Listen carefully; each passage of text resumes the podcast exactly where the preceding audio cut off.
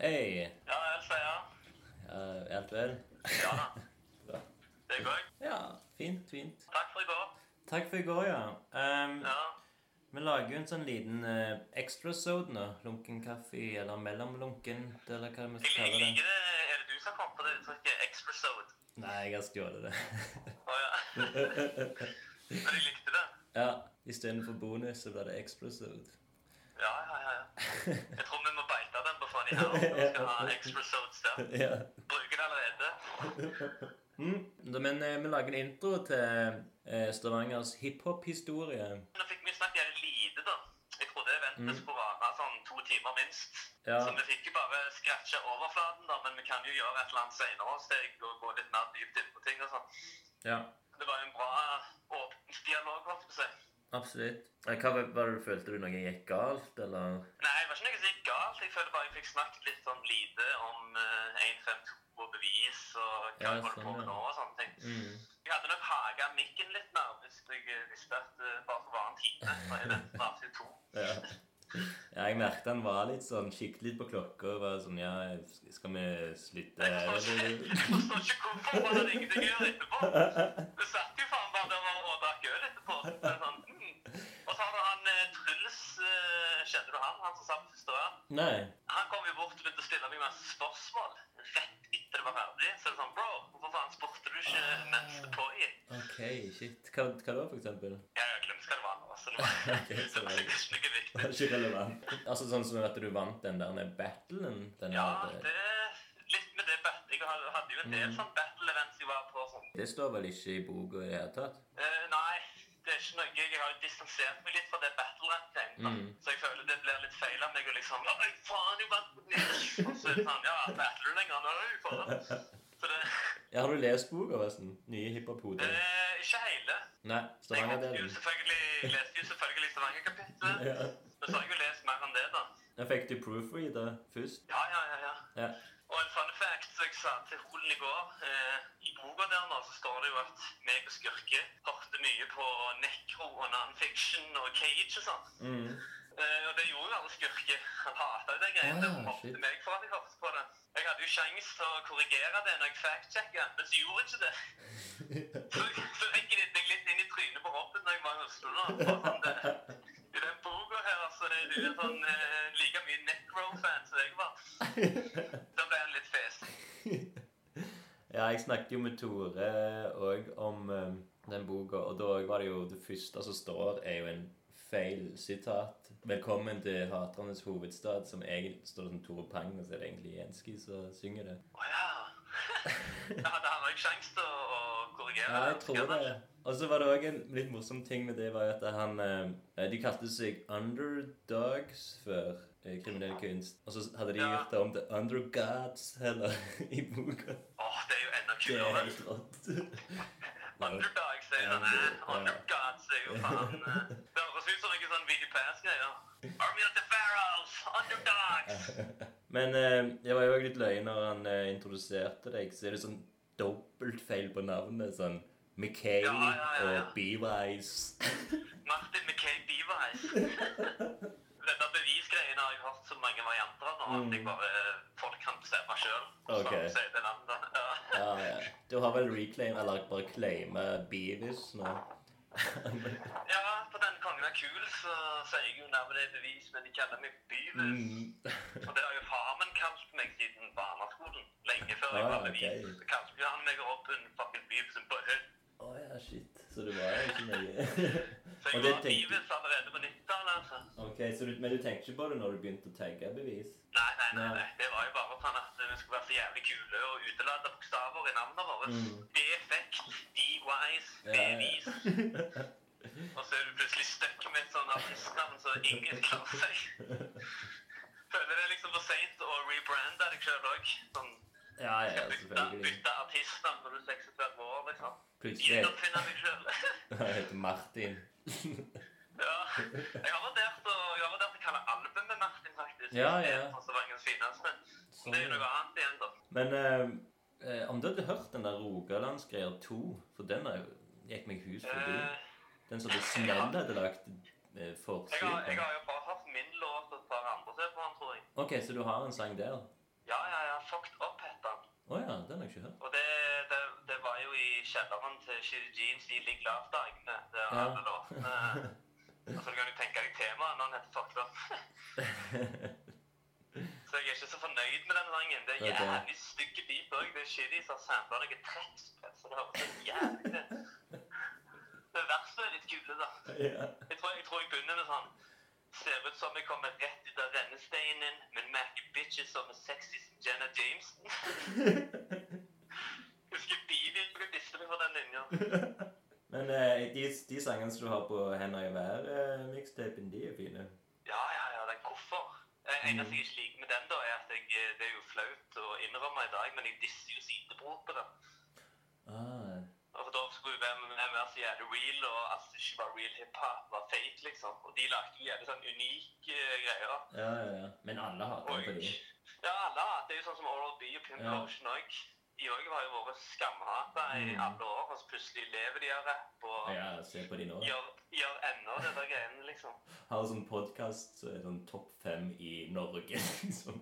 Ja, jeg så det. De har over 20 000 nedlastinger i morgen på den podcasten. Og det er helt sprøtt, for det er jo så internt og rart og Ja, jeg, jeg hører mye på det. Ja, jeg liker det. Så, men så får jeg sånn perioder der jeg må liksom OK, nå er det nok. For de snakker om det samme hele veien. De spiller konserter, og Mm. så tester de brus og sånn som det. Bruce Så jeg må, Moose. ja. Men jeg digger den podkasten der. Jeg har lyst til å reache ut og se om jeg får vært det der. hvis jeg Ja. med. Men uh... Ja, dere er jo homies, eh, virker det som. Eller unna Ja, at de kalte deg for Beavis, selvfølgelig, i begynnelsen. ja, jeg er nede med Oral D, sier jeg. Altså. Ja, ja. Dere har vel Hvor mange sanger har dere lagd sammen? Tre? To? To, tror jeg. Nei, tre. Tre? ja. Stemmer det. Jeg har Mm. en på med hans òg. Ja. Den uh, i min hood. G-mix. Liksom. I min hood. eh, den var det jo den var sånn upersonlig, da. Det var sånn internettsamarbeid. Ja, ok. Uh, og så var det den Dramafri på min.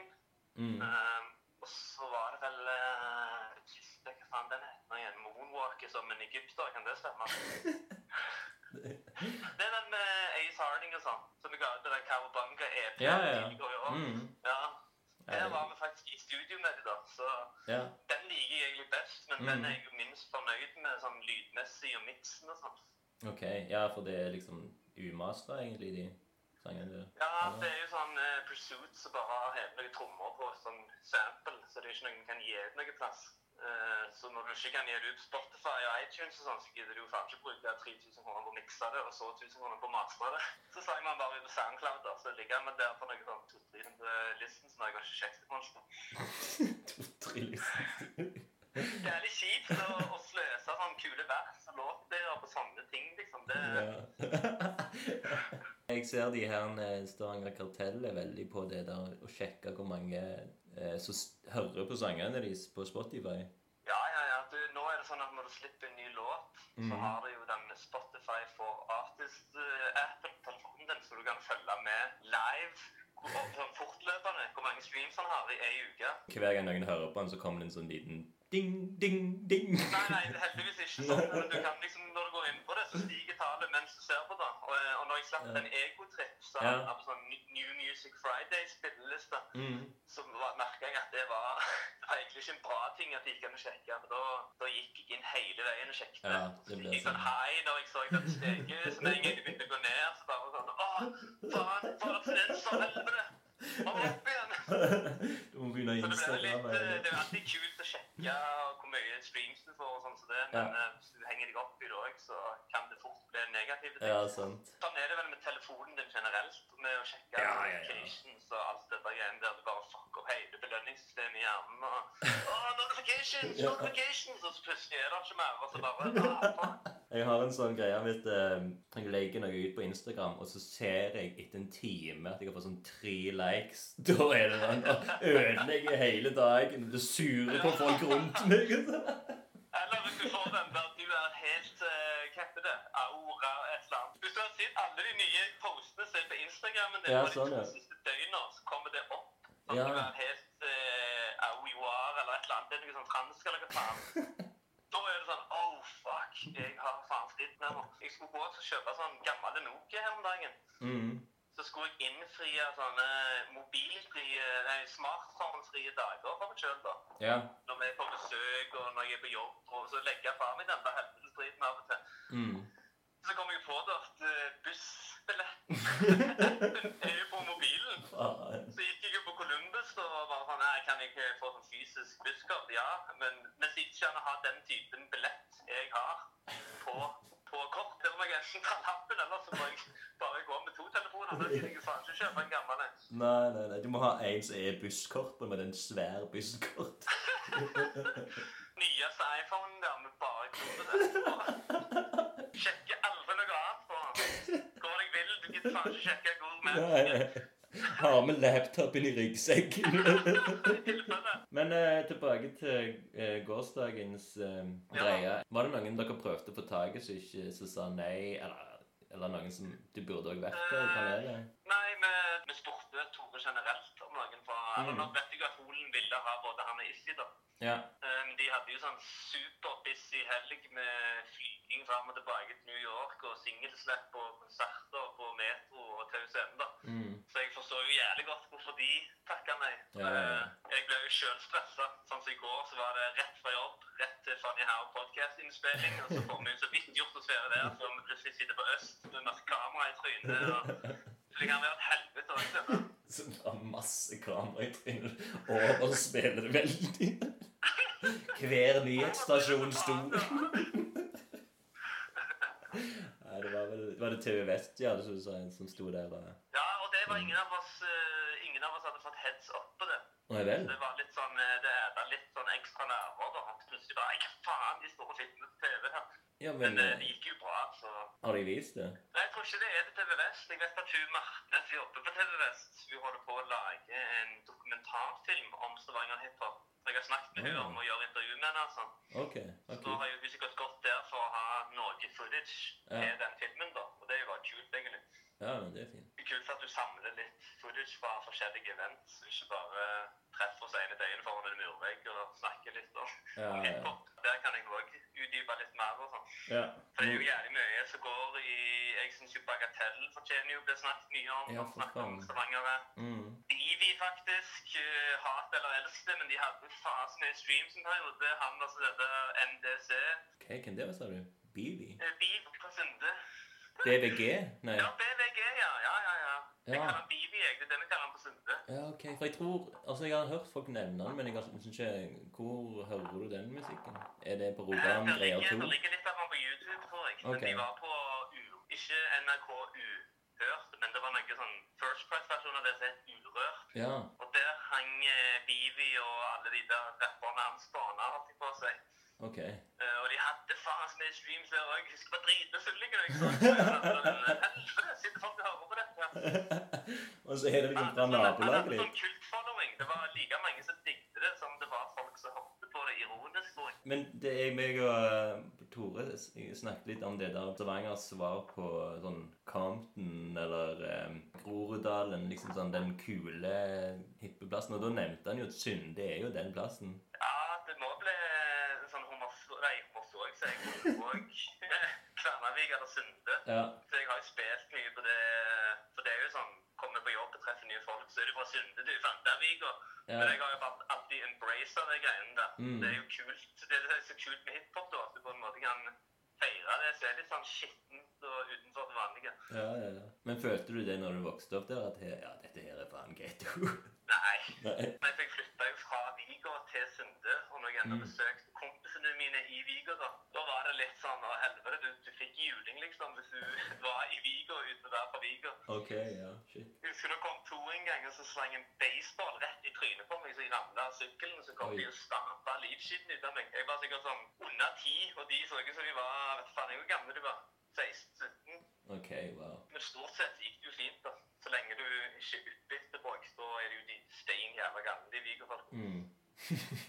um, Men har vi snakket lenge nok her, da? vi skal jo introdusere det som kommer nå. Ja. Uh, ja, for jeg kom uh, Jo, for det, hvordan det skjedde òg. Eller det nevner dere kanskje i, uh, i Ja, det var jeg, jeg, jeg ville ha Øyvind Holen, for han har sagt ja før til på Funny How. Mm. Og så så jeg jo han reiste rundt i anledning med denne boka. Ja. Eh, Så tenkte så spurte jeg om han skal ikke til Stavanger. Eh, jo, hvor? Hvem, hva, hvor? Å ja. Eh, så var jeg plutselig med i planleggingsdelen. da. Okay. Så var det snakk om å ha det på Sportskafeen. Mm. Med vel eh, Tore, hvem fra Kartellet, som hadde tenkt å ha konserter i relasjon med det òg. Ja. Derfor reacha jeg til Tore og spurte om noen fra hans klikk ville spille der. Mm. Eh, så sa de det at eh, kan vi ikke vi kan jo bare ha det på øst og slå det sammen med Kamelen. Ja. Eh, så ja, ja, fett faen. Uh, men så følte jeg ennå jeg måtte inkludere Sportskafeen, siden det var de jeg spurte først. Så da foreslo jeg afterparty der. OK. Uh, og der skulle jeg egentlig ha 152 reunion-konsert i anledning av dette. OK, Og det var jo, Tony og Jan var jo games på det, men yeah. så ble jeg jo leid inn nå av Hemmelig Sex til å, å være med opp for de Mm. neste helg på Sportskafeen. Ja. Så da avlyste vi det bare, da. Det gidder ikke spille der to helger på rad, liksom. Nei. Det er jo kjipt mot Hemmelig sekt òg, hvis de betaler meg for å være opp, og så har folk sett meg ei uke før. Så hvorfor faen skal de betale meg da, liksom? Men det kan jeg jo promotere her, da. Fredag på Sportskafeen. Ja, neste helg på, Mm. på Sportskafeen så er det Hemmelig Sekt, meg, DJ Pursuit mm. og en gruppe fra Stavanger som heter Just Lose It. Med noen unge folk. Han ene kaller seg Siddis. Hva, heter det for noe funk? Just lucid, ja. ja. Vel, kult. Nei, ikke Lucid Lose It med L-U-C-I-D. Men det høres ut som når du sier Just Lucid. Det er jo den, eh, den Eminem-sangen, det. Men eh, vi snakkes igjen eh, på en eh, mer en eh, annen Kanskje ekstra sode Ja, med albumet ditt. Så ja, det må vi ha. mm, gå gjennom track så du kan få sånn eksklusiv sniklytting, du, sånn at Ja, du har hørt albumet når det kommer. ja, ja, ja. Er det lov å ha sånn litt snippets inni og sånn? Det er jo litt kult. Ja, ja, ja, Mm. selvfølgelig. Det er bare kult. Jeg Ja. kan sende det til deg. Det har du på å mikses og mastes nå, alt Ja, sammen. fett. Ja, men da gleder jeg meg til, til det, å høre det, og, og ha deg i lunken verksted igjen. Ja, Og så får vi bare si eh, Jeg vet ikke hvordan lyden er, om den er bra eller dårlig, men det er iallfall en fin liten snakk da med, med deg, eh, ICR, eh, DJ Pursuit, eh, Atlas og Ja. Øyvind Holen som eh, tar Det er oss lyd, men eh, du hørte det, kan Mm. du si. Ja, du har hørt gjennom det? hvis du er interessert nok, så tror jeg du klarer å push through it, liksom. Ja, ja, hvis du klarer å høre gjennom denne telefonsamtalen, så klarer du det. Uten tvil. Ja. OK, vi snakkes i hvert fall. Takk for eh, telefonsamtalen og eh, muligheten til å ta opp på øst. Mm. Snakkes. Ha det bra. Ha det, ja. Velkommen alle sammen, til dere som eh, tilfeldigvis er på pub i dag. Be- be- Beklager. Eh, Men eh, vi skal altså ha en liten seanse om eh, Stavangers hiphop-historie her i dag. Og Jeg heter Øyvind Olen. jeg er til vanlig journalist i eh, D2 Dagens Næringsliv. I dag er jeg her på et litt sånn eh, adhoc-arrangement, egentlig. Eh, Det begynte med at jeg og, Martin begynte, jeg begynte å spørre han om den legendariske stagergruppa 152 var interessert i å gjenforenes til sleppefesten for eh, min eh, nye bok, som heter Nye hiphop-koder. Det er en oppfølger fra, av hiphop-koder som kom ut i 2004 i Oslo. Eh, Og han Terje var vel litt sånn skremt og Egentlig så lokket jeg de bare her for å ha med deg på min podcast. Ja. Så var dette Så det er en sånn. Dette er sånn win- win-win-situasjon Ja, ja, ja. for begge. Men, eh, men vi tok et litt sånn ad hoc releasefest. eh, Og siden jeg er da bokstavelig talt i Løvens hule, som sånn eh, Oslo-kis som skal mansplaine Stavanger hiphop-historie for dere. Eh, Jeg har altså skrevet en bok eh, om eh, Ikke om Stavanger hiphop-historie på 450 sider. Det, det hadde kanskje blitt litt i neste men Stavanger er bæret med ikke bare ett kapittel, men det er faktisk tre kapitler. Eh, vi skal konsentrere oss litt om det ene som er liksom Stavanger-historien, eh, som heter 'Haternes hovedstad'. Eh, men vi har også et kapittel om, om engelskspråklig rapp, som, som hvor Ivan Aves, som kommer fra Telemark via Sandnes, via Stavanger og ut i verden, er hovedperson. Og er Lido Lido, eller Lido, fra, fra Tysvær utover Haugesund, via Stavanger, hovedperson i et annet kapittel. Eh, De, disse to er jo ute i verden og turnerer på på store festivaler og, og sånt, så de kunne dessverre ikke komme. Eh, så vi, vi konsentrerer oss om eh, lokale krefter. Og, og Og det er jo ikke lett å liksom komme utenfra og prøve å oppsummere liksom, en hiphop-historie som går tilbake til 1984. Men på den annen side så tror jeg kanskje at det måtte en utenfra. For, for, det er så mye eh, gnaging og uenighet og sånt i alle sånne interne hiphop-miljøer at jeg tror de liksom er nødt til å få litt dyttehjelp.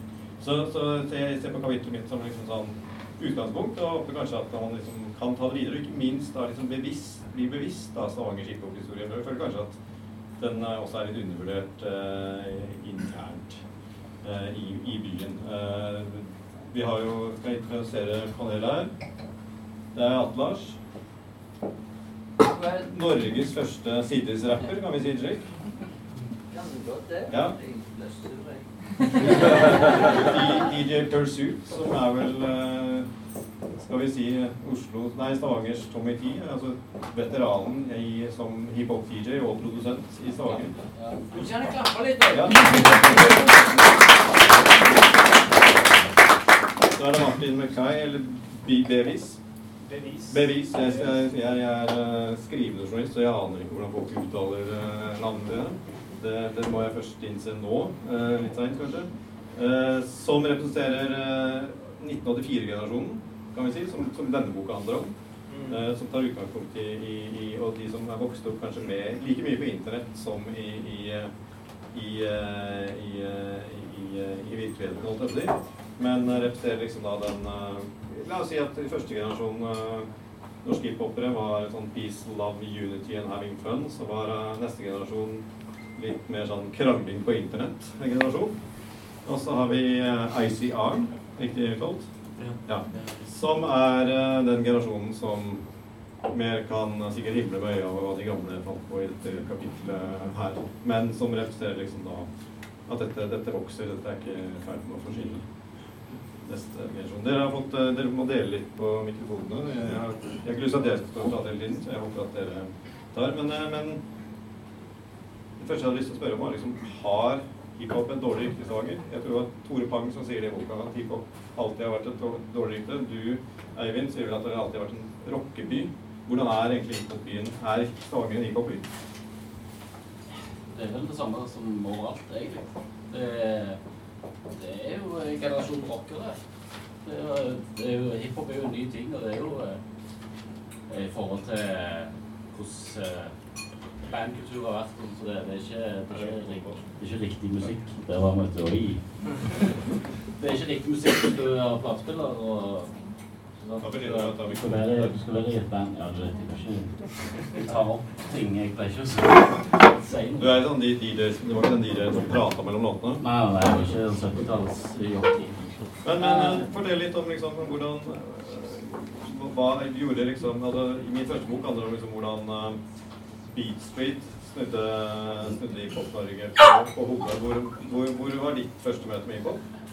Uh, nei, det var vel litt uh, Det var vel Beat Street og de der. Men, men det som tok rotfest i Stavanger, var jo liksom City-delen av ja. Og så var det en del Det en del alltid vært sånn diskjockey-kultur i Stavanger. Mm. Den er interessant. For det gjelder diskjockey-kulturen. For det, man tenker liksom på at det var rockepuber og Sementen og sånt, men DJ-kultur, altså, når, når starta den? For I Oslo så har vi liksom Head-On, Bergen hadde Miles to Head og sånn. Hva, hva, hadde Stavanger på 90-tallet? uh, Stavanger hadde plass som heter Kølerkjelleren. som, som, er en plass hvor uh, faktisk en av DJ Cheese var der og spilte. Ja, ja. Uh, I Syden, sånn som DMC 87, tror jeg det var. Der. Mm. Så han var her og spilte, og det var liksom veldig inspirerende for en del andre folk som, som var med i DMC, i NM og sånn platemiksing og den tingen der. Mm. Og dette det var i 1986 eller noe? var det ikke det? Jo, det er noe sånn 86-87. Og da var det òg en platebutikk her som het Hit House. Så det var noen gamle DJ-er som drev det. Mm. Men de solgte jo alt mulig musikk, så det var ikke hiphop. Det var jo eh, disko og 80-tallsgreier. Jeg, jeg måtte få ta en liten anekdote om DJ Cheese. for det, altså Grandmaster Flash var i Oslo den første hiphop-DJ-en som besøkte landet. Men DJ Cheese var den første som liksom dro på en liten norgesturné. Han spilte i Oslo Stavanger, kanskje i Bergen, men også i Tromsø. Og legenden har til at han, han ble i Tromsø ganske lenge. Han ble så på sofaer, og han påvirka en hel generasjon musikere oppe i Tromsø til å liksom begynne med musikk og elektronisk musikk. Og det var jo liksom hele teknobølgen i Tromsø som starta med DJ Cheese på, på, på sofaen. Så, så, hvis han hadde blitt værende på sofaen i Stavanger, så ville kanskje vært arktisk tekno og røyksopp som hadde kommet derfra. Jo, jo. Det er ikke utenkelig. Nei, men, eh, men, men det, det som er greia, er jo at eh, det var eh, det DJ, altså MC-tingen, som er en av det som er mest folk ikke tenker på rap. Den siste, siste tingen som kom, tilskuddet i hiphop liksom, i Stavanger. Mm. Så før det så var det masse folk som holdt med graffiti og sånn battle scratch Var det mange breakere? Sykt mange. Ja, denne DJ-kulturen var jo litt sånn kjendistung også, da. Det var jo en del som spilte på, på, på taket, var det ikke det stedet? Ja, jo, spilte Ja, jeg var der, spilte jo han denne Diff fra Han som ble med i Aqua i Det er jo en kjendis. Og, og Kristian Valen var jo eh, med ute på eh, Kølerkjelleren så, og Jørgen Kroppen. Så mange bra folk som har kommet opp der, men, de, men eh, det, fokuset var jo ikke hiphop. da. Nei, dette, dette var mer vi kan kalle crossover, kanskje. At det var funk, funk og disko og, Ja, og, og litt hiphop i, i, men det er jo, det er jo grunnpilaren i hiphop, da, så, sånn sett så Ja. er det. Stavanger ble litt funky på, på den tida. Ja. Men, eh, men var det noe interesse liksom, for, å, for eh, dypere hiphop-kultur? Liksom, lage musikk, eller reinspikka hiphop eller noe sånt? Når var det det begynte? Nei, det var vel før det som begynte med, med, med meg og en del andre folk. Eh, og hadde noen jams og begynte å så på oss og drev med eh, sånn rap, hiphop. Ja. Var det vanskelig å få til? Ja, det var jo litt sånn denne tirsdager og sånt. Tirsdager, Ja. ja. Det er veldig mye folk som kommer ut på tirsdag i Stavanger. Så, så det er det veldig lett å prøve å presentere ting. eh. Men ok, du begynner en plass, og det er jo folk som er interessert i musikken som dukket opp. Så sånn sett så er det jo Ja, og en av de som tok opp sitter ved siden av deg nå, er det ikke det? Jo. Hvordan, eh, hvordan kom du inn i det, Lars? Mm. Hvordan kom du inn i dette? Var du liksom og dansa til Kristian Christian Valen som DJ? Og... Nei, men jeg husker vi sto ute i studio der og Jeg husker ikke om vi rappa eller sang eller fortalte vitser, men vi var der for å få gratisbilletter til dette. Jeg husker meg og Jude Dess vi lurte oss inn på 15-årsgrensen da vi var 13. Men, eh, det, men eh, jeg, for meg tror jeg det var via skating. det kom, fikk mer kontakt med musikken. Så husker jeg jo om sånn Public Enemy, når jeg fant de, det var vel første sånn musikken som jeg virkelig sånn omfavna. Ja. Hvis jeg ser bildet nå på 17. mai, når jeg gikk i sjette klasse, da var det T-skjorta, de største buksene, hippack med Public Enemy og svær collegejakke. Og jeg tror vi fikk de folk skikkelig sånn ja, rockeby-uttrykk. Slengt mot oss da, fra folk som egentlig burde være gamle nok til ikke skjelle ut. Hva ble det hva ble det kalt? Jeg husker ikke, men uh, Men uh, ja, men etter det så roa det seg litt, og så uh, etter hvert og så hørte jeg jo på rap, men òg en del annet via snowboard, skateboard. Og så når 495 og Wu-Tang og Snoop og House of Pain og dette her, så etter hvert så spilte jeg en del band, og så husker jeg nevnte det for Eivind og at vi hadde vært i skateboard-NM i Kristiansand. Og før det så hadde jeg vært med litt rundt og spraya litt. Det ble aldri noe fint, så det er jeg glad for at jeg la fra meg. Men uh, så kom vi hjem midt på natta, midt på sommeren, og så ser vi den nye politistasjonen. Der var liksom fra ja, jeg vet ikke, 200 meter med høye finerplater hvor Snell og Hustle fra High Mom Crew hadde lagt de feteste pro-opser på hele. Og bare, åh. Da begynte jeg å forstå størrelsen. og det var bare jeg bare husker det øyeblikket, hvor magisk det var å se hvor stort det var, og det var så gjennomført. Mm. Og da begynte jeg å se enda mer at det var en større ting. Mm. Og så gikk det etter hvert, så begynte jeg òg Jeg begynte begynt litt på engelsk, og så etter hvert så ble det at jeg fant ut jeg måtte gå over til norsk for å si 100 det jeg tenkte og følte meg. Hva, hva var det liksom noen andre du var bevisst på at rappet i Norge? For det var jo litt samme historie i Oslo også. At det var mange, ja, Det var jo full feber i 84. Da breaka jo alle liksom hele landet. Men så, så døde det ut, og så fikk det en juksing med, med Public Enemy. Men, men de aller beste som holdt liv i miljøet i Oslo, var jo gravitthvalere. Og så var det noen få som fant ut at de skulle lage, lage musikk. Ja. Eh, liksom. Eh, når, når var liksom første gang det ble var at det liksom, Warlocks. Var det Warlocks? Ja. Der husker jeg var oppe på mikrofonen en gang med et eller annet tull så jeg hadde bare beita av uh, gangster. Jeg tror jeg hadde tatt ord fra annenhver bar der og bare lagd et eller annet på engelsk som bare hørtes kult ut. Jeg tror jeg eh, endte, opp- endte den ene When I put my steel, you can watch it shine, cause to me the steel is divine. Så jeg la jo veldig mye i det, da. men det var sånn 93. Men, så det ble ikke akkurat da jeg starta. Men um, da husker jeg Jeg mener at det var Eivind òg som var med og DJ da, og da var Warlocks der på en plass som Solen. Eh, og en som het Samuel. Så det var vel første gang jeg ble obs på Jeg tror de breaka og rappa og Mm. var ja, var mektig, ins- eh, mektig imponerte. Warlocks var både imponerende, og også litt sånn avskrekkende. For de var liksom, de kunne rappe, og de lagde musikk, og de break. De var Norges beste breakere og ivrigste gravittemalere. Liksom. De var liksom full pakke. Ja. kunne, de kunne, de, jeg tror de nesten skremte deg like mange som de inspirerte. For det var liksom, du, du måtte gå så all in da, for å være hiphop. Ikke, du hadde ikke tid til noe annet. Hadde ikke tid til kjæreste. Ingenting. Nei, men jeg tror det var de første norske. Så jeg, og så husker jeg senere så kom Første gang jeg var oppe på mikrofonen og jeg kjente at ok, dette skal jeg gjøre, da var femte kolonne på checkpoint. Ja. Og da gjorde jeg på engelsk. Og da var jeg gira, som jeg hadde hoppet ned et fem meter heng i nysnø. Etterpå, det var, da var adrenalinpumpa godt i gang. Ingenting skrevet, bare freestyle. Og, ja, og da fant jeg ut ok, dette skal jeg gjøre. Og så senere, da, jeg husker når uh, var der en gang, og da var Cast på scenen.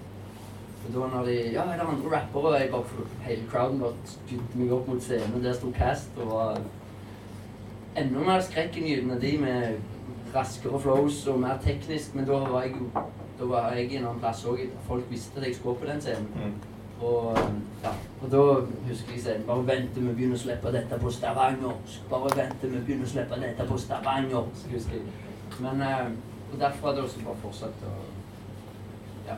Da ble jeg kjent med de andre av Penjakke, uh, Gatas Parlament, Chester. Chester husker jeg hadde en fin piece oppe i Hemsedal, og vi var der en påske. Hvor, hvor var du igjen, Martin, når dette went down? Eh, Hva årstall er Eh, det dette er vel tidlig, hæ? Ja, rundt 2000 pluss minus, tenker jeg. Eh, Da tror jeg Der er norskspråklig rapp for det store gjennombruddet med Tungplan og Klovner og Gatas og eh, Jeg tror ikke vi hadde begynt å spille låter ennå. Vi bare spilte sånn audio-battles på nettet. Ja. Og hadde jeg visst den dag da at eh, ting du legger ut på nettet, ligger ute på nettet for alltid, så tror jeg ikke jeg hadde lagt ut mye av det nybegynnergreiene der. Eh, men det er vel rundt sånn 2000 vi begynte å, å poste låter, liksom. Mm. Eh, ja. Men uh, hvor, hvor liksom, selvsikre var dere da? Var det liksom alle de eldre? Var de litt sånn uh, nerds som dere skulle ja, det har alltid vært litt sånn hiphop. Var det farlig mord? Liksom? Ja, du har alltid hata litt på de eldre. da. Det er en sånn veldig rapp-ting. Og jeg har grua meg til jeg skal være han gamle som får hate på de nye. Men de er faktisk, de er faktisk snille, da. Ja. Og det, du har ikke nødt til å være rødhåret i dag, og det trodde du jo på den tida, da, med Ekkis og som du nevnte. sånn. Så det var like mye posing og image da det var faktisk musikken og sånn som det. Det var en veldig battle-kultur. da. Ja, ja, ja, liksom være best og Ja. dra ned de andre. For å bli best så dro man jo mer ned de andre også. Alle jeg har blitt venner med via hiphop-miljøet, begynte det som at vi hadde beef og skulle banke hverandre. Ja. og så hverandre, så 'Å, jeg er bestevennen min', og så Det er som en westernfilm. Altså, slåss, slåss på saloonen. og så- Ja, ja, ja, ja, ja. Så det er sånn eh, ha- wannabe tøffe tenåringer da, som ikke tør å vise sårbarhet. og... Men hvorfor var det slik? Altså, dere, dere Det er jo hiphop generelt Ja. som er litt sånn, da. Mm. Ja. Jeg har lyst til å høre fra Hva, hva tenker du når du hører disse gamle war storiesene her? Hvordan er det når du begynte? Ja, jeg har jo bare holdt på i sånn ett år nå. Ja. Og det, det, disse gutta snakker om her, jeg ble jo født på den tiden. Så. Og, og jeg flyttet til Norge da jeg var ti, så jeg, altså, jeg føler meg helt ute av det Ja, her, ja. liksom. Hvordan- Hvordan kom Hvor er jeg? Ja. Den store forskjellen er at for dem så kom jo hiphop som noe nytt og grensesprengende som de aldri hadde opplevd før. Eh, Men for deg så har jo hiphop alltid vært der, kanskje? Ja, Ja, ja. men hvordan, hvordan fant du ut liksom, at det var noe du skulle drive med, og ikke bare høre på? Uh, det begynte egentlig Altså, jeg er veldig musikalsk. Jeg spiller jo piano og gitar. Ja. Og det begynte å evolve seg derfra at jeg eh, begynte å lage beat sjøl. Og så reacha jeg out til noen artister som var nye her for ca. et og halvt år siden. Så så Kiddo Cash ville lage beat for ham. Og så, og så endte det jo med et halvt år seinere at jeg gjorde noe på det sjøl. Mm. Og så holder jeg fortsatt på med det i dag, og det, ja, det går kjempebra. Men, men dette, dette er liksom en av de gjennomgående tingene jeg finner når jeg De fleste som er intervjuet her, er enten født til på 80-tallet eller på, på 90-tallet. Den store forskjellen er jo at 80-tallsgenerasjonen kom jo inn i hiphop som en litt sånn subkultur på sida. Det er liksom de ukule gutta i klassen som begynner med graffiti. De er jo sikkert ikke så veldig musikalske i utgangspunktet. Mens neste generasjon kommer jo inn fordi de har lyst til å drive med musikk, ikke være subkultur. Er det sånn å, å, og, og, og hvordan var det? Altså, musikken oppi dette her?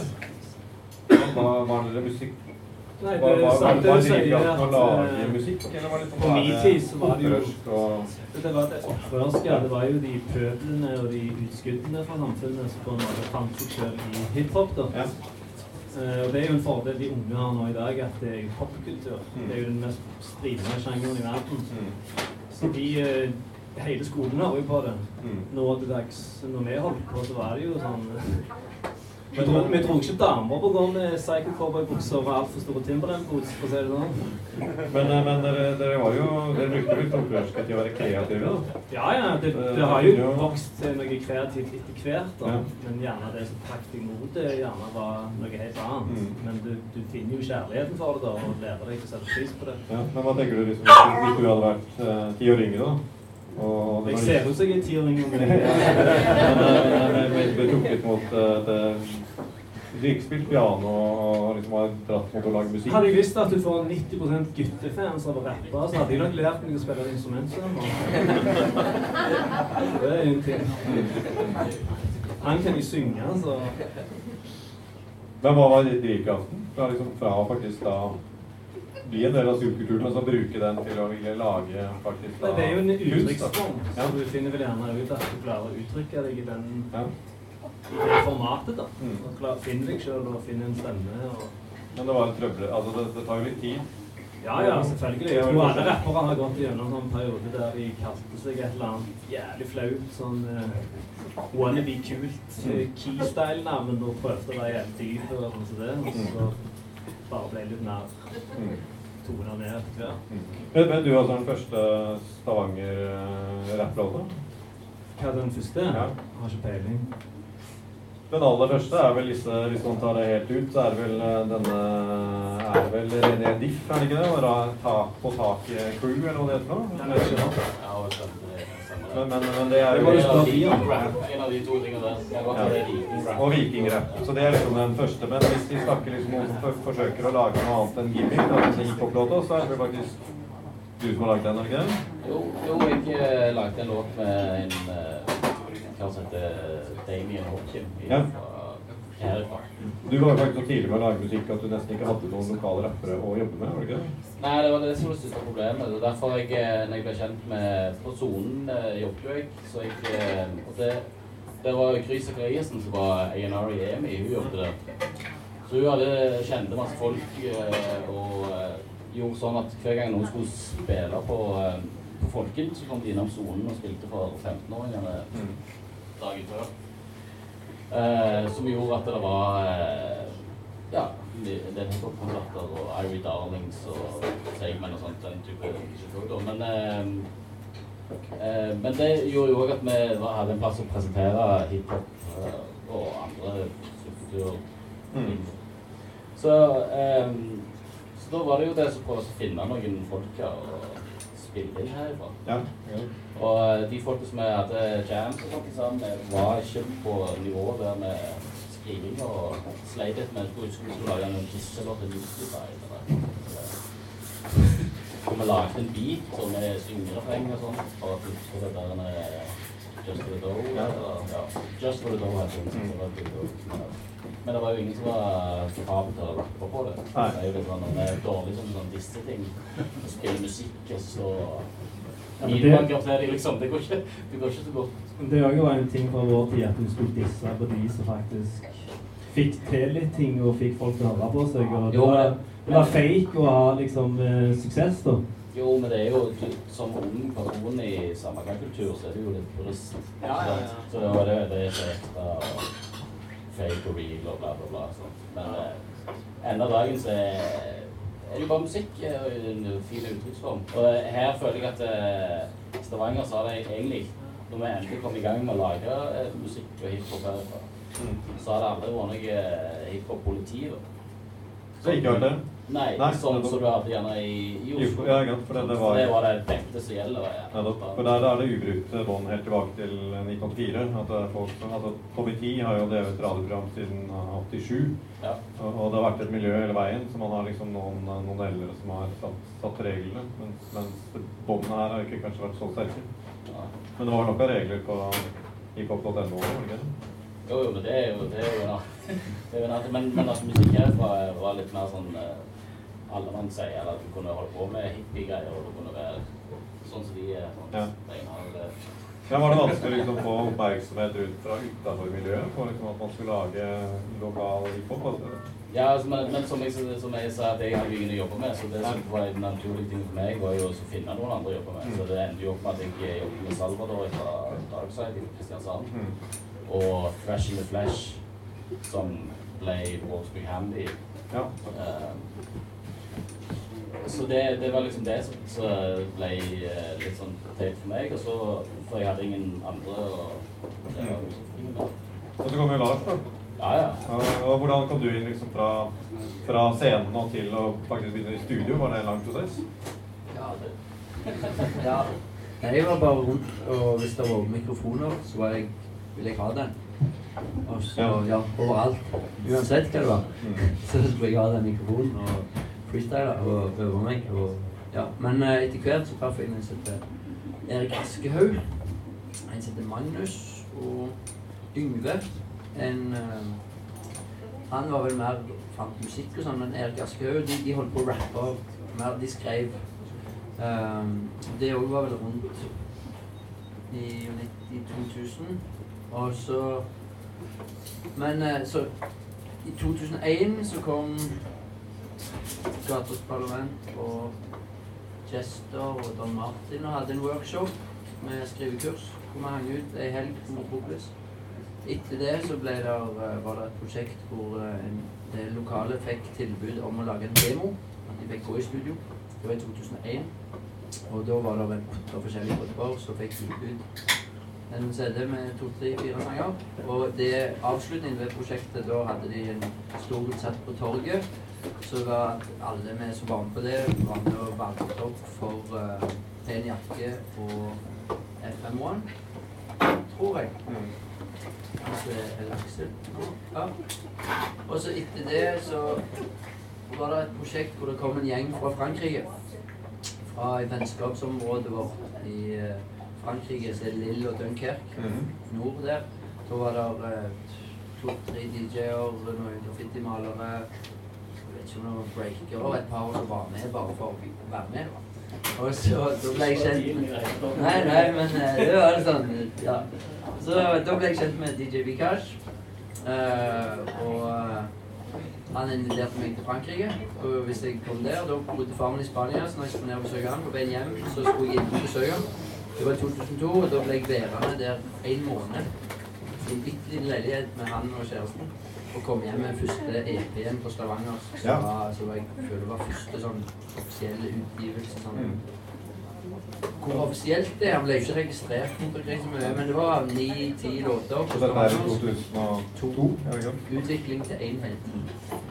Og så Dette er litt milepæl, men det er jo morsomt at begge to fra Du måtte til Stavanger for å finne noen å jobbe med, og du måtte til Frankrike for å jobbe med. Det sier litt om hvor lite og ja. kronglete miljøet også var, da. Ja.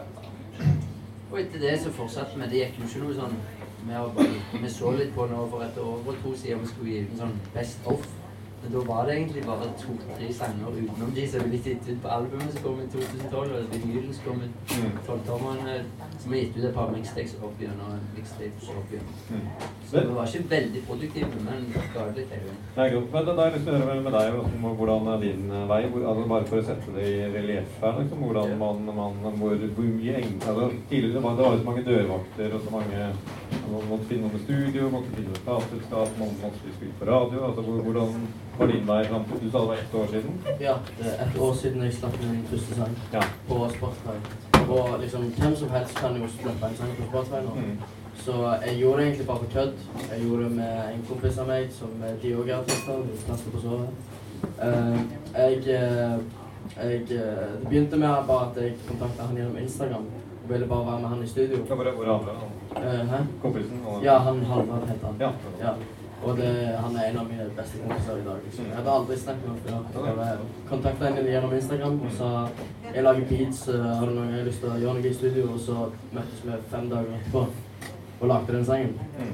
Og så, og så liksom eh, begynte det jo å gå bra etter det. Og så slapp jeg min eh, andre sang to måneder etter det. Mm. Og den ble lista på P3. Og liksom Og det var på grunn av Tore Pang. Ja. Han, eh, han hørte den sangen. Og han eh, ville snakke med meg, så jeg møtte han i studio en dag. Og han eh, var veldig interessert i å høre mer fra meg. Mm. Og, og han kontakta P3, og jeg ble lista. Og bare, alt skjedde så veldig fort for meg. Ja, det var, ja. Og det var fortsatt bare det du og kompisen som egentlig hadde Ja, ja, laget det. ja, ja, Så det sier jo litt om hvordan utviklingen har vært. Og så Mm. sier også litt om utviklingen til, til hiphop, da, som har blitt Ja. mye større. Gnager litt, litt å høre disse historiene for, for dere? Altså hvor, hvor ting går i dag? Eller er det bare positivt? Jeg syns det er kult, jeg. Ja. Det er. Altså, Men, men dere, dere, fikk jo også en sånn revolusjon med, med å være på hiphop, og den var jo også ganske kort vei fra hodet til at andre kunne høre det dere holdt på med. Det var- ja, ja, ja. Det var en revolusjon der også. hele min generasjon eh, tror jeg blåa eller ble kjent pga. internett. Ja. Dørte i Oppland Ja. og til og med Vaular, som Ja. er en av de beste rapperne i landet i dag, ble jo kjent via Freakshow eh, Carpe Diem man kan Ja, til og med Karsten henger på hiphop der, Ja, liksom. men det var jo litt sånn lukket uh, anstalt også. ikke? Lukka hva for? Anstalt. Det var, det var et veldig lukket miljø. Det, det, det nådde jo ikke ut til uh, Nei, nei, nei, det var jo bare hiphopere som hørte på det, da. Så er det jo de smarte som fant ut tidlig, da. Hvordan skal vi få andre folk som gjør faen i det. Mm. Folk som kommer på konserter og ikke snurrer sin inn på gjestelista. Hvordan skal vi få de til å høre på dette? Ja.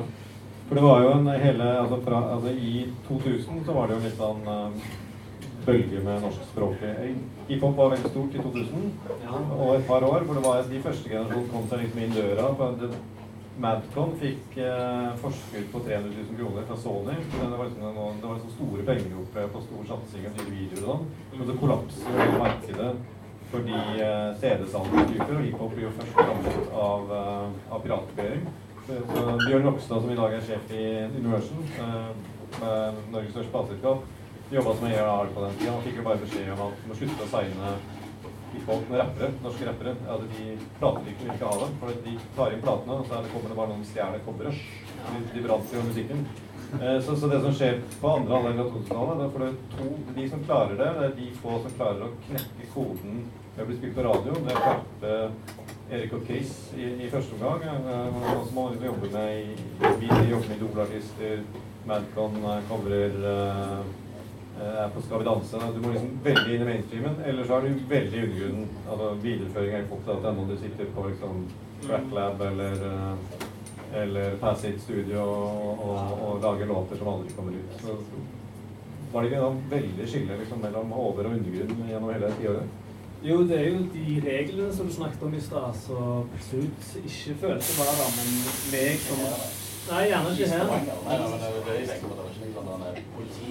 Nei, men meg Nå snakker jeg om meg som rapper og låtskriver, så har jeg alltid vært holdt tilbake av de reglene. Jeg har jo begynt å gi litt faen i de nå, nylig, for et par år siden maks. Eh, så det er jo både når du skriver tekster og sånn som det òg, at den dag i dag så sliter jeg med å skrive ting hvis det ikke er sånn multirim. Og det var jo ting folk brydde seg om før, så de er fullstendig F i nå, om det er liksom sånn teknisk bra rapping, da.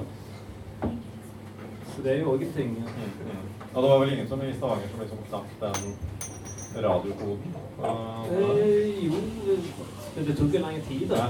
Eh, måten du ser på meg, slo jo an. Ja, jeg vet, nå tenkte jeg fram til på, på, Ja, ja, nei, da, nei, nei, nei, nei, da var det ikke noe Fordi, eh, men, men det som skjer i eh, Stavanger, er jo at dere klarer klarer liksom å samle et miljø på to viktige mixtapes. da, som jeg ser på som utenfra. Det er første gang jeg la merke til at det skjedde noen ganger.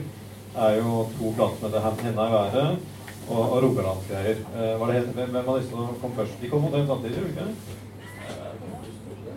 Jo, jeg leste at hender i været kom først. Ja. Men jeg Jeg vet ikke, jeg, følte, jeg trodde ikke det. Men eh, det gjorde eh, sikkert det, for det sto 2003. Men jeg lurer på om de kom kanskje samme året. Men dere, eh, laget, vi hadde dere to laget jo Rogalandsgreier ikke sant? Mm? Dere to laget jo Rogalandsgreier eh, mer eller mindre sammen. Ja, vi lagde vi samlet, det var jo bare en eh, Lagde noe av, noe av musikken, og så samla vi inn framfor folk. Ja. Hva, hva folk holder med her. Ja. Det var ikke noe sånn Det var ikke mer ambisiøst enn det. Det- Men eh, Men allikevel, det er i hvert fall den første. Den er, for det, du tenker sikkert på Rolands. Med eh, den graffiti-tingen på. ja, er jeg litt usikker. Ja. Ja, du, du, Vi lagde to. Jeg husker jeg skrev sånn håndskreven takkelapp. Tusen takk for at du har kjøpt denne. Og jeg tror at det året som kom to C4 kom ut det året. Og um, så kom òg Så var vi Pani. Uh, og ja, Pani og Pursuit. Og så Og Henda er været. Og jeg lurer på Oppe og nede. Så var en mixtape som jeg ga ut med uh, Vikash. Uh, hvor det òg var folk herfra, men òg Small Town MCs, men òg DJ som vi var fornøyde med å ha fått med. Han hadde vært verdensmester i DMC i to år. eller sånt. Men jeg tror det kom fire mixtapes i det området. eller. Ja. Men det som var, var, da var det òg litt kjekt. Jeg var rundt og snakket med alle. Jeg hadde fått, jeg søkte om støtte til det, så fikk jeg 1500 kroner. 500 Ja, kroner. kommunen. Jeg brukte ett og et halvt år og bare oppsøkte alle og maste på disse lukkede rapperne. få den sangen. Så var det brenneseder involvert. og så...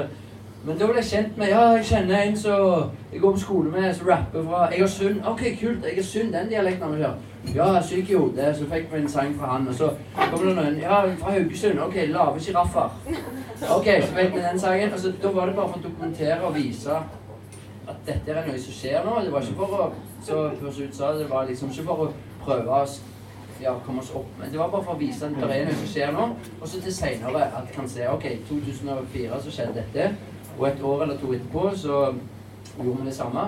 Og da var nivået steget en del. Eh, og da traff jeg Snell på et nachspiel et eller annet.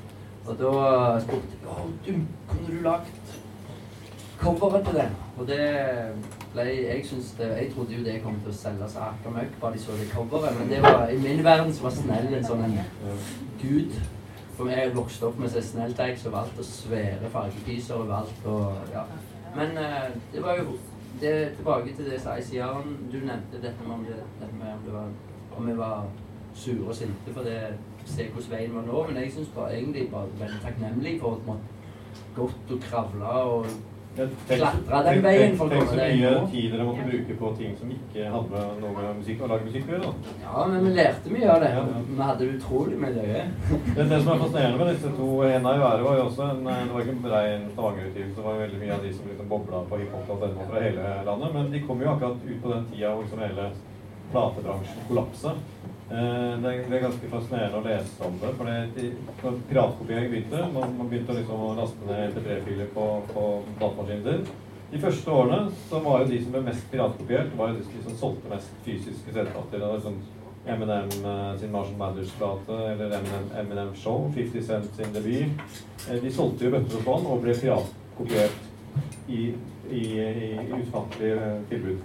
Men poenget er at folk hadde det jo på PC-en sin, alle hadde ikke PC, og, og de, de beste platene de ja, kjøpte og hadde bil i Discman, ta med seg rundt omkring. Men så kom MP3-spilleren, og da var det game over for CD-spilleren. Og de som var dyktigst på, og som hadde lært seg annet på hiphop.no, var jo, jo liksom Rapp-Norge. Så norske, norske rappplater slutta å selge. Platebransjen ga opp hiphop. Helt og totalt. Det var nesten over natta. Så når, når liksom Rogalandsgreier og Hen kommer, så er det bare platebransjen bare gitt opp. Med unntak av liksom det mellomstore Bonnier Amigo som hadde Paperboys og Madcon og Ferpe. Så var det, og, og det som har slått meg med boka, er at veldig mange av de som liksom hadde en sånn formtopp 2005-2006, de, de ga opp. De, de, de har ikke holdt seg gående. Er, er liksom masse sånne tapte muligheter på disse samleplatene. Altså 152, gruppa av de fikk jo liksom aldri gitt ut på ordentlig. Det er liksom masse sånne lost opportunities der, føler jeg. Du er enige med meg? Ja, 152 falt jo sammen pga. at vi hadde ingen som ville ta seg av den voksne delen holdt på å si, av å lage musikk. Alle ville stå på scenen med en blunt i den ene hånden og en Hennessy-flaske i den andre. Jeg pleier å si han som tar ansvar om ringpermene. Det er derfor- Ja, ringpermene, ja. Det var ingen som ville gjøre Det femte hiphop-elementet er ringpermene. Jeg fant ut hva presseskriv var i 2014. liksom. Alle ville være rockestjerner. sant? Så da, Vi hadde ingen Leo Ajkic, ingen Gunnar Greve.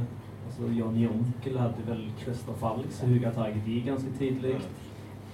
Så ser jo tilbake nå at Langbein f.eks.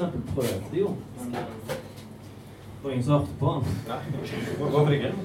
Hæ? Hvorfor ikke? Jeg har ikke peiling. Du var vel for opptatt av image og festing? Jeg tror også at det var, det var jo Rett før så var det jo liksom suksesshistorie. Det så iallfall sånn ut. Det så ut som liksom Tungtvann og, og Paperboy Paperboys var rike og hadde penger hvis man så dem litt på avstand. Ja. Man tror liksom at han Herreløs i Oslo var også et annet eksempel. Som liksom, de trodde de skulle bli superstjerner en gang de hadde mixtape. De trodde de måtte få seg hemmelig telefonnummer. liksom. Men eh, det, det skjedde jo ikke, og de fikk jo først gullplata i 2014. De ga seg ikke, men veldig mange ga seg jo. For det, det, det gikk jo ikke å holde på på den måten her. Nei, det er jo Men som sagt, du lærer jo bare av eh, Det er jo lett å være etterpåklok og vite hva du burde ha gjort. og sånt det. Men eh, Og da var jo ikke de letteste folk å dra seg med i studio heller. Nei, det For det var jo nok muligheter til å gjøre det greiene der. Men Ja, altså- det som du kaller det på fagspråket, heter jo rapplok. da. Ja, ja. Ja, Så det var jævlig mye av det, og lite jobbing. Men så begynner det liksom å løsne i andre halvdel. og så Nå begynner liksom eh, Rogaland å få utgivelser etter, etter EP-en til Lars. er jo kanskje liksom, Og disse mixtapene er liksom begynnelsen. Så jeg har lyst til å snakke litt gjennom da hva er Rogalands første hiphop-album. Den første kandidat. 2006 i skolekorps fra Sandnes ut Sandnes for faen. Det er et album. Nettopp. Det det er vel ikke et album? Nei, hva er det for noe? Ja, det var det albumet? I 2006? Mm. Jeg vet ikke om det var 2006, men de har jo et album med, med alle disse Ja, OK, det vet jeg ikke. Jeg vil jo si at Jeg husker vi kjefta meg på at de bare kunne jobbe litt med de- flow, så han hendte det. Ja, men de var, de var tidlig ute. De kom liksom inn fra La dere merke til skolekorps, liksom. De var jo vel med på disse platene også, var de? Eller? Den Men var de med på den nummer to? Jo, det kan være de var med på den Hadde én sang med på den andre. Vi fikk litt oppmerksomhet, på- men jeg vil jo si at det er en EP, da. Er, jeg tror det er seks-sju låter eller noe. Så, så, så den, den er liksom bra ut. Men det var den første, kandidaten, da. Men for oss så var jo det De holdt liksom ikke på å rappe på den måten. De bare gjorde det for løye. Og så De var ikke innafor. Brøyte reglene, er det det? Ja, for meg Eller det var ikke at de brøt reglene, det var bare de gjorde noe annet. Ja. Og så var det noen som syntes det var morsomt, og så hørte vi at Thomas Dybdahl de spilte backstage, syntes dette var skikkelig bra, og så spredde det seg rundt. Men jeg tror det som var at det var for drøyt, så de tok det vekk fra P3 Urørt. Mm. Trodde jeg hadde sånn wow. Men eh, det var jo funny, men det var liksom ikke Det var ikke det samme opplegg Det var ikke det samme som jeg holdt på med. Vi rappa eller på heltid. Vi var rundt og rappa hele veien. Ja. Sånn jeg husker det. At de Ja, vel, kult. Men eh, de ga ut EP-en i 2006. Ja. Neste, neste kandidat er jo i 2008. Så kommer 'Saving the City' volum 1 av hadde fire? Jeg tror du har glemt uh, Top to Tone. Ja. Når var det de slapp? Det. Det var bare Det var den demoen. Jeg har ikke glemt det. 2001. Dette- dette- dette er første- er gang jeg hører, dette er første gang jeg hører om dem. Så jeg er ikke med Det, på det. det er gruppa til Tony Hill, han som vi starta en gang det gruppe Han begynte jo å rappe lenge før meg og spilte sprett. Ja. Han hadde gruppa sett Top to Toe. Det var han og MC Brilleglass. Ja. Så da hadde vi Traffic. Traffic og DJ Traffic og MC Briller. Så det var jo jævlig kule navn. De ga ut, de ga ut hva het den da? Jeg husker ikke hva het. Men var det en demo? Eller Det var det del av det album? 2001-prosjektet. Jeg tror det var to låter på den. så når jeg tenker meg om så låter, det er. Men, eh, det, men eh, det var vel kanskje et album, det 'Saving the City'? Ja. Ville Ville Vest hadde et Ja, men det, det er del av samme eh, på eh, 2001-prosjektet, dette Ville Vest òg. Ja, det, jeg har gått i kildene her, så Staving City er jo helt klart i albumlengde, men, men de så på det som en mixtape. Dette er jo, dette er jo, altså, dette er jo definisjoner som bare er uh, surrer i dag. Det er veldig forvirrende. Så, hvis du det deg forskjellen på en EP, en mixtape et album. For deg, ja. Har, har du hva er liksom uh... Altså, jeg vet ikke hvor mixtape ligger innimellom der, Nei. men uh, jeg syns i hvert fall EP er sånn eh, Kanskje du begynner med å slippe når du er ny artist, og så slipper du sånn fem sanger. ikke sant? mm, Og så, ja, og så når du har kanskje holdt på med musikk en god stund, da så kanskje slipper du en album. Og et album for meg hadde vært på ni sanger, liksom. Men jeg ser jo i dag at eksempel Drake kan slippe jo album på sånn 35 sanger. Det ble jo bare mye, altfor mye å Chris høre på, Brown liksom. ga ut 45 låter. Ja, ja, og jeg syns det er bare altfor Det mye er bare vondt, for at de skal liksom. kuppe strømmelista Ja, ja. med mengde og kvalitet. Jeg har lyst til å ta deg et og et halvt døgn med å høre på et album, liksom. Men det vi hadde i, gamle dager, da, for nå er liksom alt grodd sammen på Spotify, for det er liksom bare å legge det ut, men da hadde vi liksom mixtapes og, og demoer. Demoer var liksom sånn hjemmebrent og, og ikke ordentlig spilt. Og så kom jo mixtapene, men det var gjerne litt sånn strålende beats og ikke klarert inni systemet og ikke til salgs i vanlige platestykker og sånn. Så Ivan sier jo selv, han var jo med i Affiliated, dette er jo mixtapes, det var ikke noe litt sånn low-key. Det var The mixtape before the album var jo sånn som folk holdt på med, det skal varme opp til albumet. Så da kom jo da Saving City volum 2 med The Affiliated i 2010, som føles mer albumaktig. Og den er en god kandidat egentlig til første album. Men Iron Ave sier også at nei, det var egentlig en mixtape, det også. Men det er jo bare han som ser forskjellen her, egentlig. da. Så, så jeg vil jo da gi gullmedaljer til Lido. Pretty Girls and Grey Sweaters kommer i 2000, tidlig i 2012. Det er Rogalands største album. 2012. Hva er det dere holder på med her borte? 2012 slapp jeg mitt forslag. Ja, men eh, ikke, ikke på intern. Nei, nei, men det, var- det var på dialekt, da. Det var første Ja, album dialekt. du er på neste på lista. Dette er, dette er bare en fotnote i boka. Ja, ja, så Det er ikke noe stort poeng, men det er en veldig morsom fotnote. Så da kommer da, Dette er sjekket. Det kommer i juni, står det i avisene. Juni kommer Tigerbalsam for sjela, og det er da ikke bare Stavangers første hiphop-album, men også da første norskspråklige album fra Rogaland. Så det er jo en uh, milepæl. Hva, eh, hva vil du si om uh, albumet sånn i dag? Jeg er fremdeles veldig fornøyd med det. Ja. Og fortsatt sammen med fransk, eh, med franske Vi jobber sammen. Vi har en tolvtommer som kommer tolv år som kommer i april-mai. Når jeg vet hvor lang tid ting tar, så kanskje i juni. I hvert fall før sommeren. Men vi jobber hele veien. Og, men nå i det siste så har vi bare sluppet én og én låt. De siste årene sluppet tre-fire låter i år. Men fikk, fikk, synes du du fikk liksom den oppmerksomheten som den milepælen var når det faktisk kom ut? Jeg tror ikke, liksom, jeg tror ikke det liksom ble Nei. Nei. Det var det året når jeg hadde sendt inn til til dette Spellemannsprisen. Jeg visste ja, det var to-tre andre hiphop-album, og da går de inn. Og året før så hadde hiphop blitt nedgradert å stå ute i gangen. De fikk ikke lov å være på hovedscenen lenger. Og da, det året Lars Vaular ble årets tekstforfatter og kom inn og sier tusen takk. Det var, det var. Året etterpå etter jeg gitt ut album, jeg har sendt inn, tenker ok, bare det, hvis det blir nominert den gratis gratisreklame der til hele landet, da tar de vekk hiphop. Det var, det var Da blir det urban musikk. Så, men jo, det hadde vært kjekt å spille inn, eller hadde, hadde fått det seg litt av så mye som jeg har lagt ned i det, men eh, for all del, for min del så var det bare en sånn milepæl, men også en sånn stein til hvor jeg kunne trø videre, og jeg er veldig fornøyd med den nå. Og jeg har fremdeles et par liggende i campingvogna av eh, de 2000 jeg brukte opp. Men eh, ja, så det er jo et dyrt visittkort, men det er fremdeles noe jeg kan gi og er veldig fornøyd med. Mm. Så, men det er òg litt tilbake hvor vi vil. Hva er motivasjonen, hva og det som får det til. Nå har jeg levd av dette i snart 15 år. Det er jobben min, og jeg hele veien bare I disse årene så har jeg sprunget rundt gjort konserter hele veien og vært med band eller gjort konserter med symfoniorkester eller gjort skolekonserter. Og, og så er det litt hvor du vil òg. Hvis jeg hadde gjort alt for å komme gjennom på radio, hvilket aldri var mitt Ja, jeg kunne sikkert vært litt mer publikumsvennlig, og, men eh, jeg har nå kommet der inne, og jeg er veldig fornøyd. Mm. Ellers er det jo kanskje det som også er grunnen til at hiphop fortsatt er så vital og ny, nyskapende, er jo at det er jo egentlig også en litt sånn Ikke misforstå meg rett, men det er jo litt sånn historieløs sjanger. Det er ikke så kult å være han som liksom kan hele historien som, som alle en forventes nesten i dag at en 18-åring ikke skal bry seg så mye om. Du ser det i USA også, liksom, eh, men det får jo mye tid. Eh, Soldier Boy fikk veldig mye tid fra han visste ikke hvem Ice-T var. Eh, men, men for mange så starter liksom hiphop-historien på nytt. Jeg merker, merker liksom eh, 84-generasjonen, for dem så starter hiphop-historien med Trey og Wu-Tang og, og, og Tupac. De er ikke så opptatt av liksom, 80-tallsrapperne. Neste generasjon så starter det liksom med, med Gucci Wayne og Lil Wayne.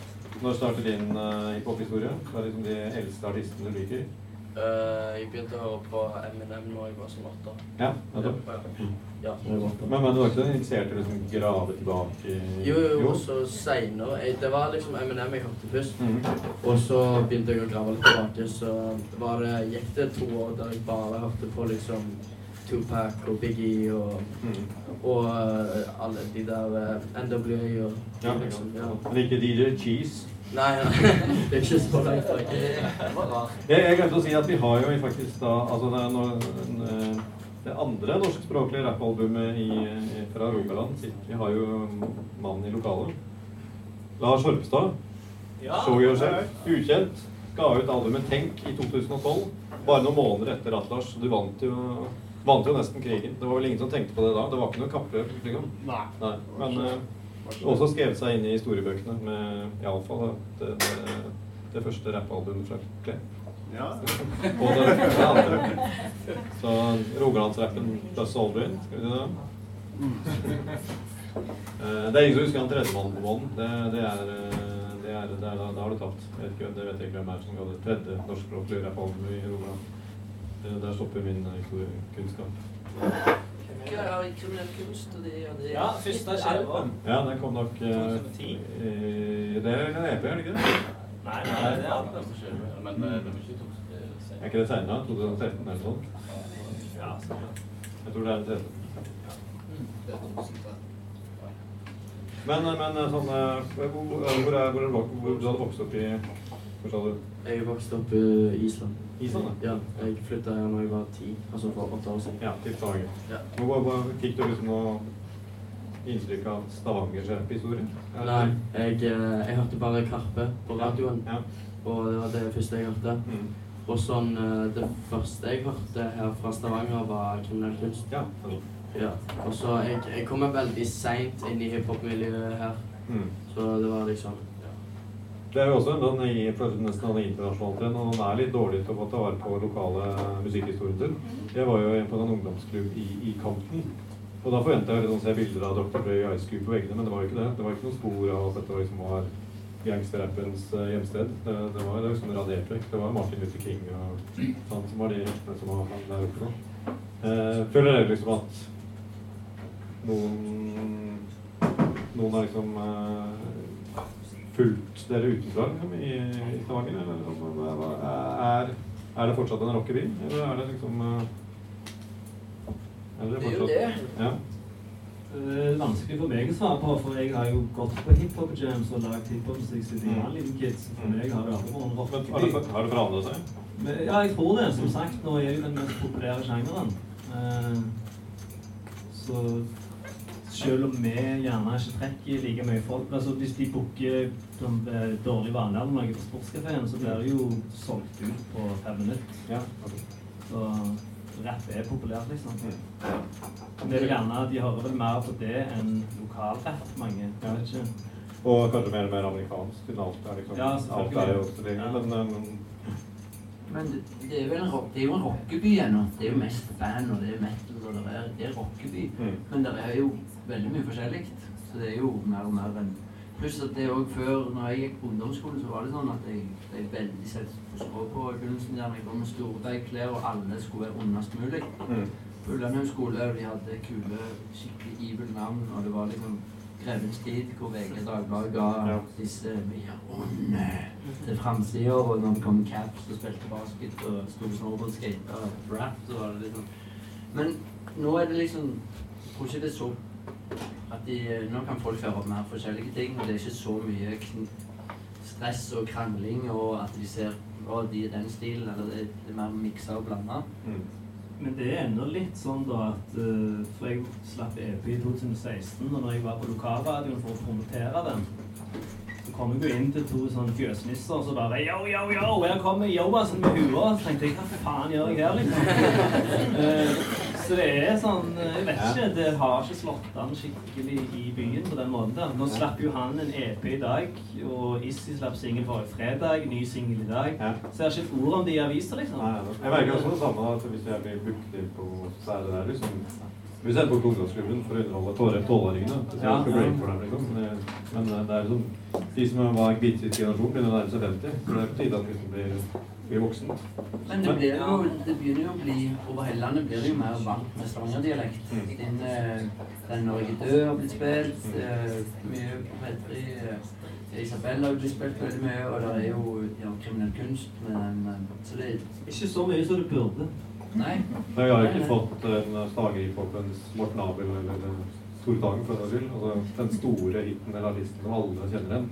Ja. Som folkestjerne. Det, det kan man si at norsk hiphop nesten ikke har i det hele tatt. Men uh, det er ikke så mange, altså, det ikke så mange norske rappere som uh, besteforeldregenerasjonen til igjen. Det de kan du telle på en hånd. Liksom. Men det som jeg tror er et resultat av det òg, at ikke én person eller ei gruppe har gått fram, da det, har det mangfoldet fått vokst mye mer. Så jeg, det liker jeg med Stavanger-scenen, at det er så fantastisk mye forskjellig. Og at det er liksom Hvis jeg hadde kjørt på og fått en av mine sanger som er superfredelig og bare Så hadde jeg kanskje lagd Veldig mange hadde vært på samme, hvilket kanskje ikke vært på verste det men eh, for uttrykket sin del så syns jeg det er superkult at det er så mye variasjon, og det er så mange forskjellige leirer som har sitt uttrykk, og det tror jeg er en kul ting med at ikke alle har hatt noen sånne ledestjerner. Jeg må finne ut av litt ting sjøl òg, så når Stavanger-bølgen kommer skikkelig, så vil han være sterkere Er det dere som er Stavanger-bølgen? Er det et miljø? Er det mange artister som kommer nå? Uh, ja, det begynner å bygge seg veldig opp. Og, Ja. Hva, hva, hva, hva, hva kan fortelle gamlingene hvem de Ja, skal sånn i- sjekke ut på Spotify? Ja, I dag så er det jo meg, ICR, så er det Kiro Cash sitter der. Så er det Plaster på såret. Og eh, Hvem andre er det? Ja, Veira Taki. Stemmer. ja. Ja, Isa. Ja, han er jo eh, flyttet til Oslo. Mm. Ja, fra Lina. En ting som slår meg med amerikansk hiphop, eh, nyeste hiphopen, er jo liksom at, at de sånne regionale forskjellene jeg føler det visker litt ut. Altså, rappere kommer jo liksom fra Østlandet, så det er ikke, du er ikke så opptatt av liksom, hvilken scene eller by Trippy Red eller XX Tentasjon kommer fra. Det må man liksom finne ut. Jeg, jeg, har liksom unge Stavanger noe som er annerledes fra, fra resten av Norge? Eh, ikke, ikke så mye som jeg vet om.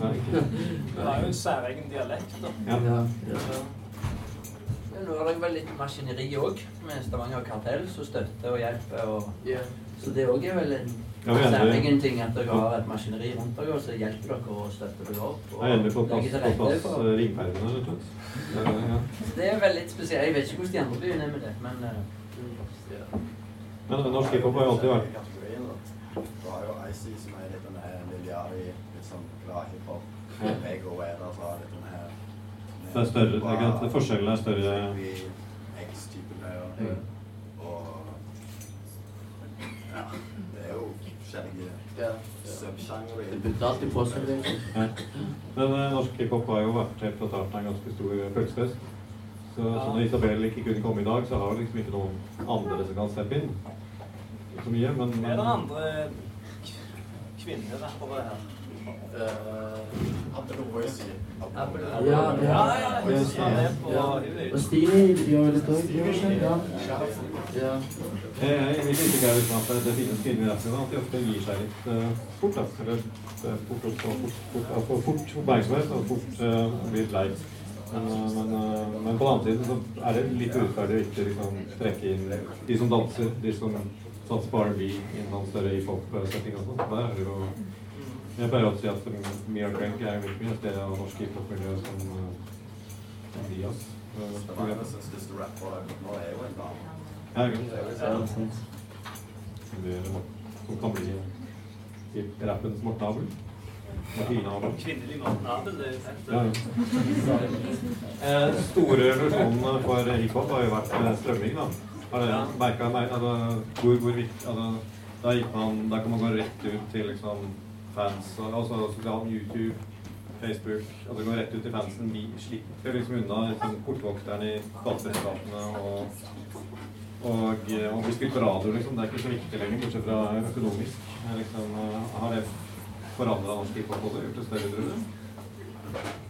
Jeg mener ennå er viktig å spille på radio, for mine to mest strømma låter er 'Når jeg er død' og 'Måten du ser på meg'. Og begge de var P3-lister, liksom. Ja. Eh, Så jeg tror ikke det er tilfeldig, da. Nei. Det er de som har mest streams. De var misfornøyd med radio i Bergen. Eh, De følte at de ikke nådde opp på med alle singlene i Bergen. Ja, det er jo dritkult hva de har fått til, da. For de lager jo Det er ikke så jævlig vi kaller det, familievennlig. Det er grovt og skittent, og allikevel så strømmer de opp i millioner, liksom. Det kan, du kan faktisk bli en hit på Spotify, og så bli spilt på radioen. Det er det nye Ja, ja, ja. Ja, nå har vi holdt på en eh, times tid. Er det noe som uh, brenner inne med noe? Ja, eh, en sånn samlingsplass hvor det ble spilt hiphop opp Ja. igjennom. Da må vi jo nevne Planet Rock. Så når var det dette starta? Det var det én gang i måneden. Og Troubletown og Ja, jo, jo, men, eh, det, men det, det var jo nesten sånn klubbkonsert og sånn som var eh, like stort for, for en del eh, folk som var på rock. og- Det Ja, det, ja, og og i den, den gjengen som var med på disse her eh, eh, tingene som ble spilt i Metropolis, de eh, eh, dukket jo opp, de som holdt ut litt. Og de tok det opp i en platebutikk som Helge Tornes hadde. Hvor det var liksom sånn en gang i hver, en, hver helg så var det liksom noe storspilt litt musikk, og så var det, uh, var det åpen midt. Mm. Meg og Lars hadde jo òg et sånn rap-workshop en gang i uka i noen år. Ja. Og meg og uh, eh, DJ Astro, vi hadde et radioprogram vi spilte en time i flott. Mm. Eh, vi inn på veldig sånn hva, Jærradioen sitter radio. 102,2. Ja, 102,2. Så han brøyte inn liksom på, eh, på en kanal som mange hørte på i, her i distriktet. Mm. Men det var bare Vi holdt på med det gjerne i tre-fire år. Bare hadde en time hvor det bare var hiphop, liksom. Er det noen steder og møteplasser i dag? Mm. Er det steder og møteplasser i, altså, i dag? I Trondheim for eksempel, så har du Ja, jo lista- Metropolis eh, Ja. Hvor det er tilgang til studio, og, og det jobber jo Tore Frank. Så det er jo det er veldig bra representert på den måten. Hvis du har lyst til å prøve deg og gjøre ting, så, så er det ikke vanskelig lenger. Men da kan du sikkert spille det albumet Tore Frank, han eh, Tommy T spilte, kan du skal spille på telefonen. Og, Ja, og det brukte han å måtte reise til New York og sånt. Vi spiller jo inn kinofilmer på de bodene noen dager, så det er ikke, det er ikke så vanskelig. Ja. Hva jeg skulle si? Ja, og, ja, konserter òg i Stavanger. For vi var liksom utenfor loopen til Oslo, Bergen og Trondheim. Så det var ikke så mye store navn som kom her. Ja, Men grunn av Pursuit sin link til England, så var det husker jeg vi har fått vært og hørt masse kule konserter med Jest og med Rodney P og med Louis Parker og forskjellig. Så det har vært liksom masse rå MCs derfra. Estelle. Ja, det var så kort konsert. Halvtime. Nei, men det har vært veldig mye bra der. Og så var Troubletown en gang i måneden. Der var jeg MC-er hele veien. Jeg husker veldig godt når jeg fikk være med bort og MC-er som eh, Helge Troubletown på Kragabalder sitt når de hadde, hadde ettårsjubileum og hadde eh, blitt kåret til årets klubbkonsept i Oslo. Da var jeg med på mikrofonen. Og fra Stavanger og plutselig være i Oslo med 300 mann på dansegulvet og 150 utenfor som ikke fikk komme inn, for det var stappfullt. Det var en Oi, det er så stort? Det var jo litt sånn Men eh, seinere så var det hadde vi Blueprint en gang. Det var ei som het Anita som booka Atmosfære. Og da var både 152 og varmt opp, og vi på Vikash var òg med og varmt opp. Eh, og så hadde vi på releasen på det Rogaland skrev 2, så hadde vi Das FX. Eh, så vi, da var alle som var med der, var med og varmet opp for Das FX. Og så etter det, da var det Tore Han syns jeg må ha en big up for det som han har gjort. av booking Explosive- til Stavanger. Ja, det må bare hans navn må bli sagt. For det han har lagt ned, og så ryddige, over det han har fått med med Explosive Vi har stått og hørt eh, Mob- Nei, ikke Mob Jo, han ene av de var her. Eh, MOP, vi har hørt Master Ace på Folken. Det har vært liksom Han har fått Ja. fantastisk mye bra navn her Det, Som Og det er jo det både Ivan Ave og, og Lido sier i boka, er jo liksom sånn big up til Explosive hele der. For det, det, sånn, det, var der de fikk sjansen til å spille for et publikum, møte et miljø. Ja. Uten det så hadde de ikke Nå, nå jobber Lido med Maria Carey, liksom, men det hadde ikke skjedd uten Explosive. Så der var det at han, de kom inn og var så ryddige, organiserte. Da hadde vi omtrent slutta å organisere ting. Vi hadde tatt nok penger. Folk kom ikke på hans bein omtrent. Og de som kom og du skjønner meg, kongen der. Så plutselig lagt 20 000, skal jeg gi deg penger. Men eh, i hvert fall så tok de starta. De òg gikk jo på en heidundrende smell. Jeg tror han Tore og Shamir jobbet i et par år for å dekke det underskuddet. Og de har liksom på for å få ting til å skje. Så det er Og i dag hadde han ikke tid til å komme hit fordi han arrangerer konsert med Kamelen og Ja. Men der, så da ble det jo veldig mange da, Det ble jo et samlingspunkt, så det var at du traff andre, og du møttes, og det var liksom Hvert år så var det, og de fikk bort eh, folk fra Oslo, fra Bergen, fra, og var på scenen. Fredrikstad, Luca Lever der inne, og det var veldig mye forskjellig. Men det er jo ganske imponerende. men Oslo prøvde seg på en hiphop-festival Interstate, og det ble ett et år. Klarte de. Og det er ikke først, men det var ikke før i sommer de klarte å samle en ny en på Bergen, Band. Så det er ikke, det er noe spøk å lage hiphop-festival. Nei, nei, nei, men så det var en stor big up at de brukte så mye tid og energi på å få booka så mye bra bort der. Så det syns jeg var Men nå har vi en som brenner inne nå. Uh, Eh, alle oss nye som jeg nevnte nå, jeg tror uh, det er Tore som har booka oss alle til våre første Ja. konserter. Ja. Jeg hadde jo min første her for et år siden på Tøysene, Mm, mm. og det var Tore som fiksa det. Så shout til Tore. Ja, så Tore, Det er eh, og mer til. Eh, kanskje vi skal gi oss? da? Vi har på lenge nok. Er det noen som brenner inne med noe i salen? Er det noen jeg spørsmål? Ikke gjør det poenget her. Det som har. Ja vel, jeg føler at vi har kommet oss igjennom ganske mye. Eh, ja, det er vel bare å takke for oppmøtet. Hvis noen er interessert i boka, så har jeg tre stykker liggende, så da vil vi være kjapt ute.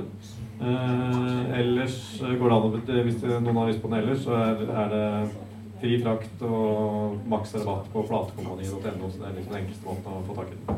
Yes, takk for oss, og god kamelkonsert, de som skal dit.